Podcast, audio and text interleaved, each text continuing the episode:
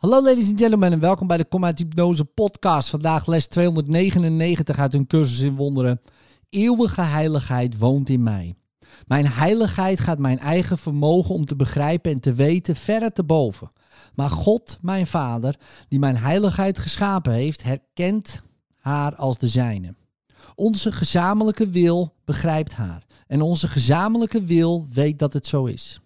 Vader, mijn heiligheid is niet van mij. Het is niet aan mij om haar door zonde te laten vernietigen. Het is niet aan mij om haar onder aanvallen te laten lijden. Illusies kunnen haar versluieren, maar ze kunnen haar stralende gloed niet doven, noch temperen haar licht. Ze blijft eeuwig volmaakt en onaangetast. In haar zijn alle dingen geheeld, want ze blijven zoals u ze geschapen hebt.